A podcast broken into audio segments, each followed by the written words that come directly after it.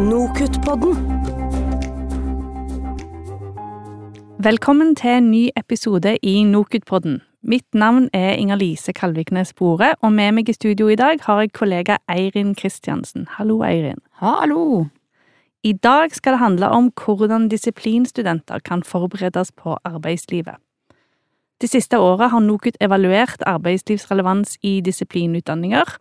Det var elleve studieprogrammer som deltok i evalueringen, og det inkluderte både bachelorprogrammer og masterprogrammer i naturvitenskap, samfunnsvitenskap og humaniora. Sluttrapporten ble lansert på frokostmøtet 10. september, og den skal bidra til kunnskapsgrunnlaget for stortingsmeldingen om arbeidsrelevans i høyere utdanning. Nå er det sånn at Debatten om arbeidslivsrelevans i disiplinutdanninger handler ofte om muligheten for å inkludere praksisopplæring. Men vi, i denne episoden eh, vil vi høre om litt andre typer tiltak. Så vi har fått med oss to gjester som er med oss på Skype. Torstein Hole, du er rådgiver i Diku, og du var med i evalueringens sakkyndigkomité. Blant annet fordi du har skrevet ph.d.-avhandling om hvordan biologistudenter lærer gjennom feltkurs og gjennom praksisopplæring. Velkommen til deg. Tusen takk. Og så har eh, et av programmene som var med i evalueringen, var bachelorprogram i fysikk og astronomi ved UiO. Og vi har fått med oss Anders Malte Sørensen, som er professor og leder ved Center for Computing in Science Education ved Fysisk institutt på UiO. Du har også nettopp blitt merittert underviser, så gratulerer og velkommen. Takk skal du ha. Vi begynner med deg, Torstein. Kan du fortelle oss litt om hva slags forståelse den sakkyndige komiteen hadde av arbeidslivsrelevans? Ja, nei, Når vi har snakket om dette, så har vi hele tiden lagt vekt på at eh, vi har lagt en bred forståelse av arbeidslivsrelevans til grunn. Eh, og Det betyr jo at vi, sånn i motsetning til en smal eh, forståelse, har prøvd å eh, se etter muligheter og se etter måter, alle mulige måter ulike sider av utdanningen kan bidra til arbeidslivsrelevans. Så vi har prøvd å eh, se etter muligheter heller enn å prøve å avgrense rommet og muligheten for å skape arbeidslivsrelevans. Det kan vi si på en måte er den underliggende teorien vår da, for eh, arbeidslivsrelevans. Eh, jeg kan også si at Det henger jo annet sammen med at vi har evaluert veldig forskjellige studieprogram som i ulike institusjoner og i ulike kontekster generelt, ulike fagtradisjoner. Eh, og Da er det jo viktig å se og vurdere ut ifra hva som er relevant i ulike kontekster eh, når vi har evaluert. Mm. Men er arbeidslivsrelevans egentlig så viktig i disiplinfag? Og hva med bachelorprogrammer, eksempel, der en gjerne forventer at studentene skal gå videre til en mastergrad etterpå? Ja, nei, altså du kan jo hele tiden dette, du kan jo dra det så langt som å spørre sånn, hva er poenget med universiteter, og hva er poenget med hva, Hvorfor har vi høyere utdanning i det hele tatt? Altså, du kan eh, dra det helt ut der, egentlig, når vi snakker om arbeidslivsrelevans. Men vi har prøvd å gjøre dette til et sånn praktisk, eh, pedagogisk spørsmål. Her er det, tror vi, mange muligheter for å styrke studenters eh, læring. Eh, studenter ønsker dette her. Eh, jeg tror de fleste ansatte, ansatte, i høyere utdanning ønsker at studentene skal få en eh, god og relevant jobb der de kan bidra godt med faget sitt. Og selvfølgelig vil jo også politikere og alle, alle ønsker jo arbeidslivsrelevans. Også når det gjelder det spørsmålet litt om bachelorstudenter, vi så at noen av programmene vi evaluerte, la vekt på at eh, studenter skal videre i eh, å ta master. og Det, det gjelder vel bl.a. eh, deres eh, institutt, eh, Anders. Der går vel de aller fleste videre til å ta en mastergrad. Og Det er jo veldig forståelig at da er på en måte ikke, for de fleste studenter de er ikke ferdig med å være studenter etter en bachelorgrad. Eh, men vi tror likevel at det kan være mange gode tiltak og måter å tenke på som kan være nyttig å ta med seg for å sikre arbeidslivsrelevans også i en bacheloroppgave, eller bachelor, eh, i bachelorstudiet. Mm. Anders, eh, kan ikke du fortelle litt om hvordan dere jobber med arbeidslivsrelevans i utdanningene deres på Fysiske institutt? Jo, det vil jeg gjerne gjøre. Så jeg syns det er interessant nettopp det poenget som dukket opp her, nemlig hvorfor skal vi tenke arbeidslivsrelevans allerede på bachelorutdanningen? Når det riktignok er slik at veldig mange av våre studenter tenker vi at fortsetter videre. Men jeg tenker at det går, inn, det, det går egentlig dypt inn på hva, vi, hva, er det vi legger i det som er arbeidslivsrelevans. Og Vi har hovedsak sett på tre elementer der. Vi har sett på en del ting som går på hva skal vi kalle de faglige ferdighetene. Det faglige innholdet. Hvordan kan vi sørge for at innholdet i utdanningen forbereder studentene på et godt vis på, på si, kravene i arbeidslivet. Og Så har vi i tillegg sett på det vi vil kalle profesjonell kompetanse, som går på andre typer ferdigheter. Ehm, og En del av de andre typer ferdighetene de tror jeg det er viktig å øve gjennom hele studieløpet. Vi kan ikke bare fortelle en student at nå skal du lære deg å kommunisere faget ditt, og gjøre det i masterutdanningen. Det er viktig at dette er en gjennomgående komponent. Og så Til slutt så syns vi også det er viktig å jobbe med det som jeg vil kalle mer personlige egenskaper. Hvordan man kan utvikle seg som person gjennom studieløpet. Og så har vi brukt forskjellige metoder for å, for å adressere de forskjellige elementene. Hvordan skal vi finne ut hvorvidt innholdet vårt arbeidslivs, har arbeidslivsrelevans? Jo, da ser vi til forskjellige kilder. Vi kan gå til EU og si hva de sier om hvordan fremtidens arbeidsmarked kommer til å se ut. Vi kan gå til næringslivet og hva de sier. Og så kan vi også gå til våre egne forskere, som ser på et vis hvordan faget utvikler seg fremover i tid. Det er en av grunnene til at vi har lagt inn det vi kaller beregninger eller programmering som et grunnleggende element i utdanningen vår. Fordi vi ser at det er et etterspurt behov og så er det et behov som studentene våre etterpå rapporterer at de trenger i den arbeidslivssituasjonen de er. For mange av våre bransjeorganisasjoner, sånn som American Institute of Physics i USA, de utfører årlige spørreundersøkelser blant bachelorstudentene om hvilke, eh, altså hvilken jobb de har kommet til etterpå, og hvilke ferdigheter de ser er nødvendig i den jobben. Og Det kan vi bruke da til å se er vår utdanning da liksom opplinjert, aligned, ikke sant, i, eh, riktig mot det som er behovene der ute. Og tilsvarende kan vi gjøre på profesjonelle eh, ferdigheter. Er det behov for å jobbe sammen i team? Det synes nettopp denne, dette med de vi kaller denne typen uh, ferdigheter er, er, etterspurt, men er kanskje ikke så klart kommunisert at er en del av utdanningen vår. Uh, selv om vi tenker på det, så må vi også bli flinkere til å fortelle studentene våre hvordan utdanningen vår legger til rette for den typen ferdigheter, og øver den typen ferdigheter. Så vi har også en kommunikasjonsutfordring. Og det siste som jeg syns er ganske viktig, går på dette med personlige, eh, personlige ferdigheter. Eller det, det, hvordan du kan utvikle deg selv da, gjennom det å være student. Det jeg tenker på det å være student som kanskje er ofte en av de mest transformative tidsperiodene i livet ditt. Mange går inn når de er 19, og så kommer de ut når de er 25. og Det er jo ofte da personligheten setter seg. en viss, viss forstand, Og vi er med å forme de menneskene. Jeg ønsker at de skal formes som en fysiker, men selvfølgelig så ønsker jeg også at de skal formes til å bli gode borgere eller gode mennesker, og det beste av seg selv på et eller annet vis. Og Det krever en eller annen individtilpasning. Men så krever det også at de tenker, en student tenker på dette som en mulighet til transformasjon og til utforskning. Så det å legge til rette for alt dette, det er jo det som er spennende med høyere utdanning. Og som også gjør at det, er et, at det er dynamikk i det. fordi vi må hele tiden tilpasse oss både det som kommer inn, altså ferdighetene som studentene har når de kommer inn, og hva de skal ha når de kommer ut. Torstein, vil du slenge deg på?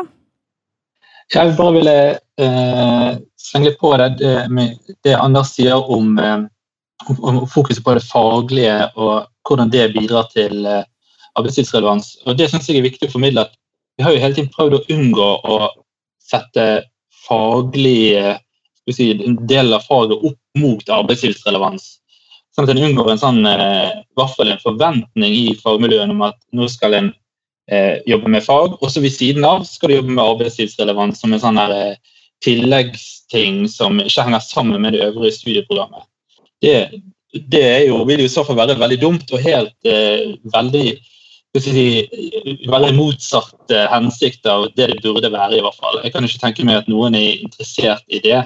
At en f.eks. skal eh, hva skal vi si, litt enkelt sagt, skape dårligere fysikere for å bidra til arbeidslivsrelevans, det måtte jo vært eh, veldig uheldig. Jeg synes også det Poenget med eh, samarbeid er viktig som et eksempel på det. egentlig, for det Når en jobber med fysikk i dette tilfellet, men egentlig de aller fleste fagfelt, så er det jo viktig å samarbeide når en jobber med faget og når en jobber ute i arbeidslivet eh, senere. Det er jo noe som gjelder alle. Altså, en professor i fysikk må jo også samarbeide. Eh, så det tenker jeg viser nettopp det at her er det ikke nødvendig å lage noen sånne eh, hindringer eller kunstige skiller mellom det å jobbe med arbeidslivsrelevans og det å jobbe med, eh, med fag. Da. Mm. Anders, kan du si noe litt mer konkret om hvilke tiltak dere har gjort eh, på dette? Jeg kan, jeg kan komme med et, et, et, et eksempel. Da. Så jeg, eh, fra et fag som jeg underviser selv, i elektromagnetisme, som man skulle tro var noe som var ganske tørt, kommer i tredje semester for studentene. Og I det semesteret så har vi lagt opp til at studentene skal få en øving i muntlig kommunikasjon. Så Vi har på et vis tatt en del av disse det vi kan det kalle profesjonelle ferdigheter, eller ofte kaller vi det generiske ferdigheter. fordi de er ferdigheter som er gyldige over mange områder. Så har vi lagt disse inn i forskjellige elementer. Sagt at jo, i det tredje semesteret så er det dette faget som skal ta ansvar for å trene studentene i muntlig kommunikasjon. Så da har vi gått i det faget så vi har sagt jo, men hvordan kan vi gjøre dette på et, på et faglig fornuftig vis innenfor rammen av det faget. Så vi sagt jo, En viktig ting som vi ønsker at studentene skal oppnå, det er å bli utsatt for det vi kaller en autentisk situasjon. Altså en situasjon som ligner på det som de vil oppleve hvis de etterpå blir en forsker på universitetet, eller hvis de jobber med utvikling i en bedrift, eller hvis de jobber i et konsulentselskap. Og Det de ofte må gjøre der, det er nettopp å presentere ting som de har gjort selv. Så det vi har laget, lagt til rette for der, er at studentene skriver noe vi kaller en computational essay. Så da velger de et fagområde, et, problemstilling, som de selv velger innenfor det faget de gjør. Og så skal de selv gjøre et lite arbeid på den. De skal stille et spørsmål, så skal de svare på spørsmålet. De skal skrive et essay i form av en bestemt noe som vi kaller en Jupiter Notebook, som er en, en, et dataverktøy som vi bruker til å både skrive, og presentere og kjøre programmer. Og så skal de presentere dette i en gruppe med åtte andre studenter på et vis som er egentlig helt identisk med den typen møter som jeg har med mine PhD-studenter hver eneste uke. Så Dette ligner på en profesjonell situasjon, men det er integrert inn i den faglige konteksten. Og Det må det også være for at det skal være meningsfylt for studentene. For hvis vi bare skulle trene kommunikasjon uten at de skulle kommunisere noe som er knyttet til deres faglige utvikling, så blir det på et vis bare akkurat som, som Torstein nevnte, det blir en slags sånn attpåklatt som vi bare ligger på fordi at vi, vi tenker at så må dere øve på dette også. Og så skjønner på et vis alle at dette ikke er viktig. Så vi må tenke på hvordan vi kommuniserer. Ved å integrere det i faget, så viser vi at det er viktig. Og det er jo viktig. Dette er jo, eh, altså, det er jo helt essensielt. Hvordan skal du få gjennomslag for dine ideer og dine tanker hvis ikke du er i stand til å kommunisere det på et effektivt vis med, med dine, de som er rundt deg, og med de verktøyene som du bruker faglig. Så Det er et eksempel på hvordan vi da prøver å jobbe med det. Og så er, Da er det ikke sånn at vi har gått ut og spurt arbeidstakere er dette noe som dere mener er viktig. Men vi ser på et vis, eller vi vet på et vis at dette tenker vi øver de ferdighetene som vi vet at arbeidsgivere f.eks. etterspør. Så det er én måte å arbeide systematisk på det. Vi integrerer de fagene. og Så tar vi andre av disse generiske ferdighetene eller profesjonelle ferdighetene, og så plasserer vi de ut andre steder i, i, i løpet av utdanningen for å prøve å, å sikre at vi Det behøver ikke nødvendigvis å gjøre dette i alle fag, men nå dukker noe av det samme opp dukker opp semesteret etter. Men da løfter vi det til til et litt høyere nivå. Da har de kommet litt lengre, så kan de ha et mer avansert computational essay i et senere fag med enda større grad av det vi kaller student agency, altså som går på at studentene selv skal få muligheten til å være med og, og, og styre sin faglige utvikling. Da flytter vi oss langt oppover også i, i Blooms taksonomi. ikke sant? Da, da vi, det, dette er mer avanserte mål for, for læring.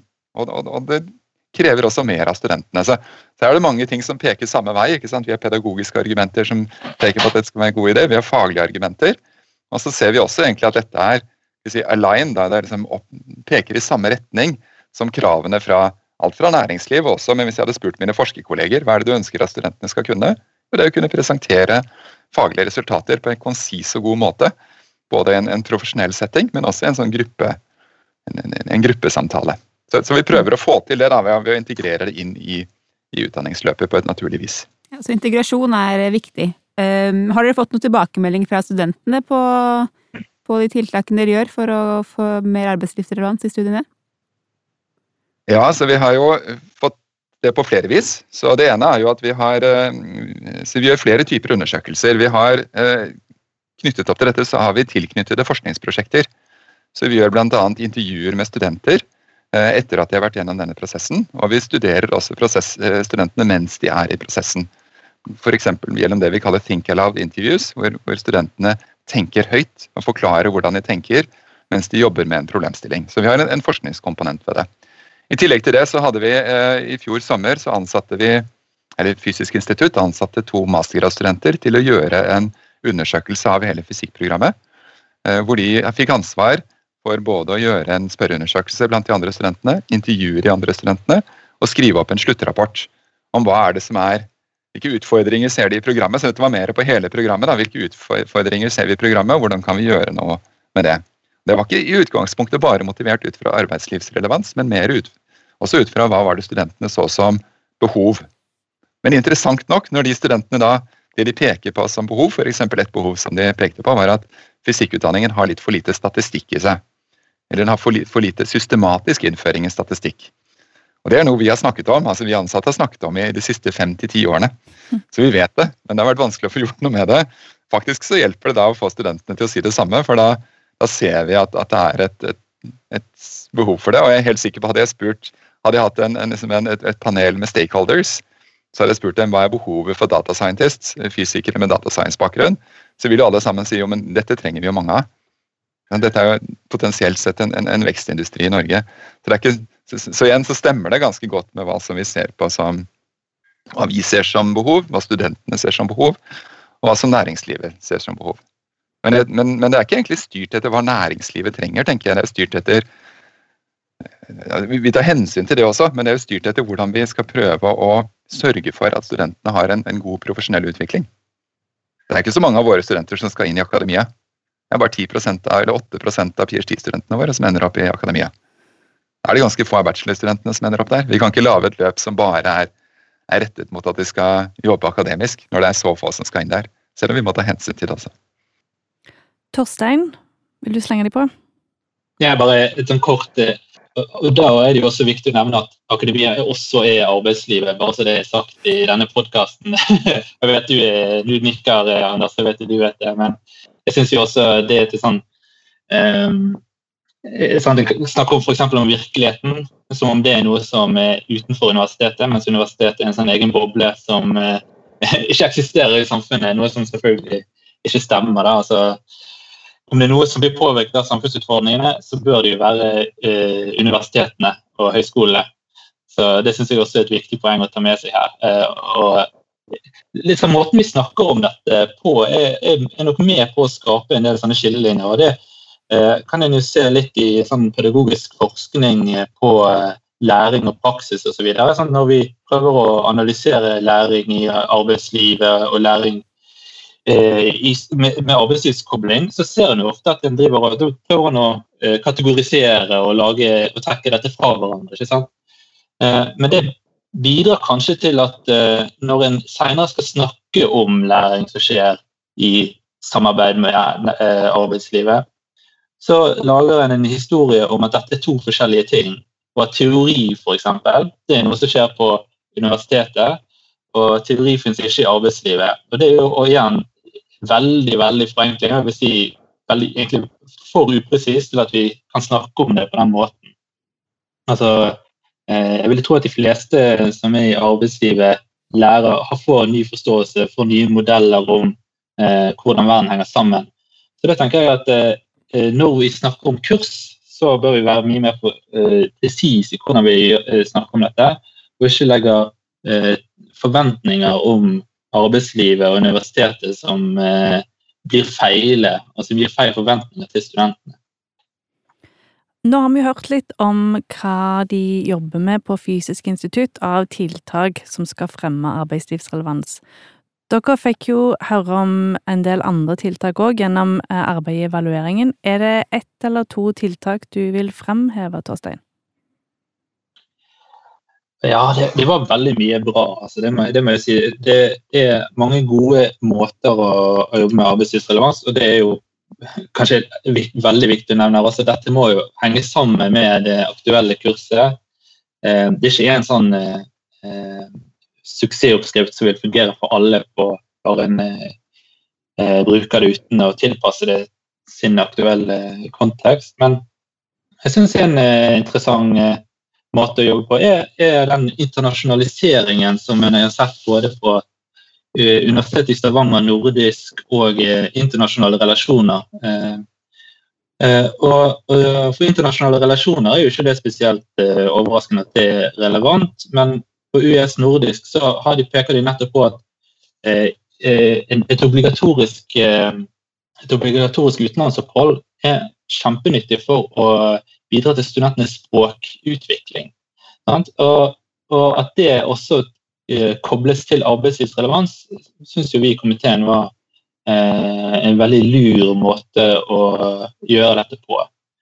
Så det tror jeg kan være en litt sånn undervurdert kilde til arbeidslivsrelevans.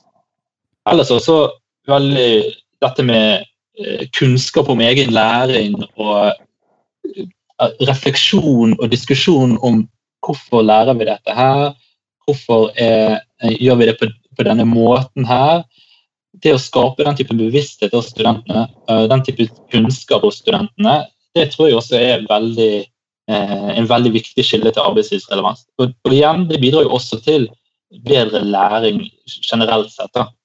Eh, sånn når en har en større kunnskap om hvorfor en gjør dette her, og øh, kanskje også vurderer sine læringsstrategier på en litt annen måte, hver enkelt student kan vurdere læringsstrategier, så vil jo det også bidra til en styrket læring. Mm. Anders, har du noen tanker om Torsteins innspill her? Ja, ikke minst dette med, med det å lære seg både å lære seg å lære, men også lære seg å på et vis selv styre sin egen hverdag. Lære seg å være uavhengig og kunne ta initiativ. Dette er jo ting som, som studentene lærer implisitt gjennom, gjennom, studiene. Og som vi kanskje også burde være flinkere til å fremheve. Våre, vi får jo ofte en rapport også når våre studenter går ut, at de er nettopp veldig uavhengige. Og Vi merker det jo selv også når vi tar inn PhD-studenter fra forskjellige europeiske land. At det er forskjellige utdanningstradisjoner som gjør at studentene får forskjellig grad av, av, uavhengighet. Og jeg vil si at både norske og nordiske studenter ofte har veldig stor grad av det vi kaller agency, på et vis. Altså den, det å kunne gripe et problem, løse problemet på egen hånd, hente inn det du trenger av kunnskap og informasjon, og, og selv drive gjennom et prosjekt. Det ser det ut til at våre studenter er ganske godt trent med ganske tidlig i studieløpet. Jeg er ikke engang sikker på om vi på universitetet skal ta æren for det. Det kan være at de lærer dette ganske godt på skolen. Uh, og Det syns jeg ofte kjennetegner uh, norske studenter som er utdannet. Det er den ene delen. Og den andre tingen som jeg syns var fint at Torstein tok opp, det er dette som går på, på læring og ikke minst undervisning. Så mange av våre studenter de, de, driver også med undervisning, og jeg tenker det, det, er helt riktig, som Torstein sier, det er også en del av arbeidsmarkedet. det. Både i at det er et eget arbeidsmarked som er knyttet til det å være lærer eller underviser på høyere utdanning eller, eller på skolen. Men også fordi at det å undervise, det å jobbe med læring, det er jo viktig i alle kunnskapsbedrifter. Og det å ha kunnskap både om, om, hvordan du selv lærer, men også kunnskap om hvordan man skal lære bort, tenker jeg er også er veldig viktig si, næringslivsrelevans. Selv om det kanskje ikke er det som direkte etterspørres, så tror jeg det på sikt kan være ganske viktig for hvordan si, kunnskapsnasjonen Norge, eller kunnskapskontinentet Europa, utvikler seg er den typen ferdigheter. Og jeg, jeg, tror det blir viktigere og viktigere fremover. Det kommer bli mer og mer fokus på læring. Mer og mer fokus på livslang læring. Og da må vi jo sørge for at studentene våre at de har den kunnskapen, og også den teorikunnskapen noen ganger, som skal til for å kunne ta til seg en ny lærdom. Sette det inn i en kontekst som de kjenner. De skal ha, de skal ha med seg en sånn basissett som de kan bruke senere til å bli disse livslange lærerne. Eh, livslange studentene. Som, eh, som nettopp etterspørres uh, overalt egentlig nå. Så, så, her er det mange viktige poenger synes jeg, som, som griper i hverandre på et fint vis. Absolutt. Og det er jo en av de tingene som også kom fram i den rapporten nå, er jo at rett og slett å kommunisere til studentene og med studentene om hva studentene faktisk lærer, og hvorfor de gjør disse tingene, er, er noe som mange har fått forbedringspotensial på, og som er veldig viktig. Så det tenker jeg er um, ja, nyttig å ta med seg. Um, nå er det jo uh, sikkert mange som lar seg inspirere. Jeg tenker at uh, du og du, jeg vil også ha litt mer integrert arbeidslivsrelevans i mine utdanninger. Um, og tenker kanskje hvor, hvor, skal jeg begynne, hva er det bare et lurt sted å starte? Og da lurer jeg på først Anders, hva er gode første steg for lyttere som er interessert i å se nærmere på arbeidslivsrelevans i sitt eget studieprogram? Jeg har begynt å kikke på en del av de kildene som ligger ute. og Vi kan si mye rart om EU, men EU er ganske systematiske når det gjelder å, når det gjelder å jobbe med arbeidsmarkedet f.eks. Så en av de kildene som vi tok utgangspunkt i, eller som vi også kontinuerlig tar utgangspunkt i, er EUs Digital Single Market Policy.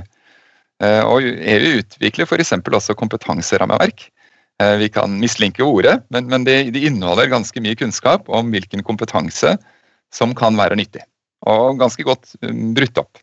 Så jeg syns det er en veldig fin kilde. Og så syns jeg også det fins mange gode service, altså gode spørreundersøkelser ute, som vi kan bruke til å, til å orientere oss. Så det er liksom den ene delen. Og så tenker jeg den andre delen går rett og slett å være litt sånn introvert og si rett og slett eh, tenke litt mer omkring hva, hva er det vi gjør i dag som vi kan trekke frem, eller som vi kan gjøre studentene enda mer oppmerksomme på. Eller som vi kan gjøre oss selv enda mer oppmerksomme på at faktisk gir god arbeidslivsrelevans. Hvordan kan vi styrke de komponentene i den utdanningen vi allerede har? Og Det krever en form for det bare krever et blikk på oss selv og analysere hva er det vi gjør i dag. Og jeg tror vi gjør ganske mange ting som, denne, som er arbeidslivsrelevant, og hvordan kan vi styrke de aktivitetene på et godt vis. Mm. Absolutt. Eh, Torstein, har du noen eh, tips og råd? Ja, jeg tenker vi allerede har vært inne på en del, bl.a. dette med å, eh, å, å, bidra til eh, refleksjon over læring. Eh, og, men et veldig viktig sted å starte kan jo være å eh, samle inn litt kunnskap om hva studentene opplever, hva studentene tenker.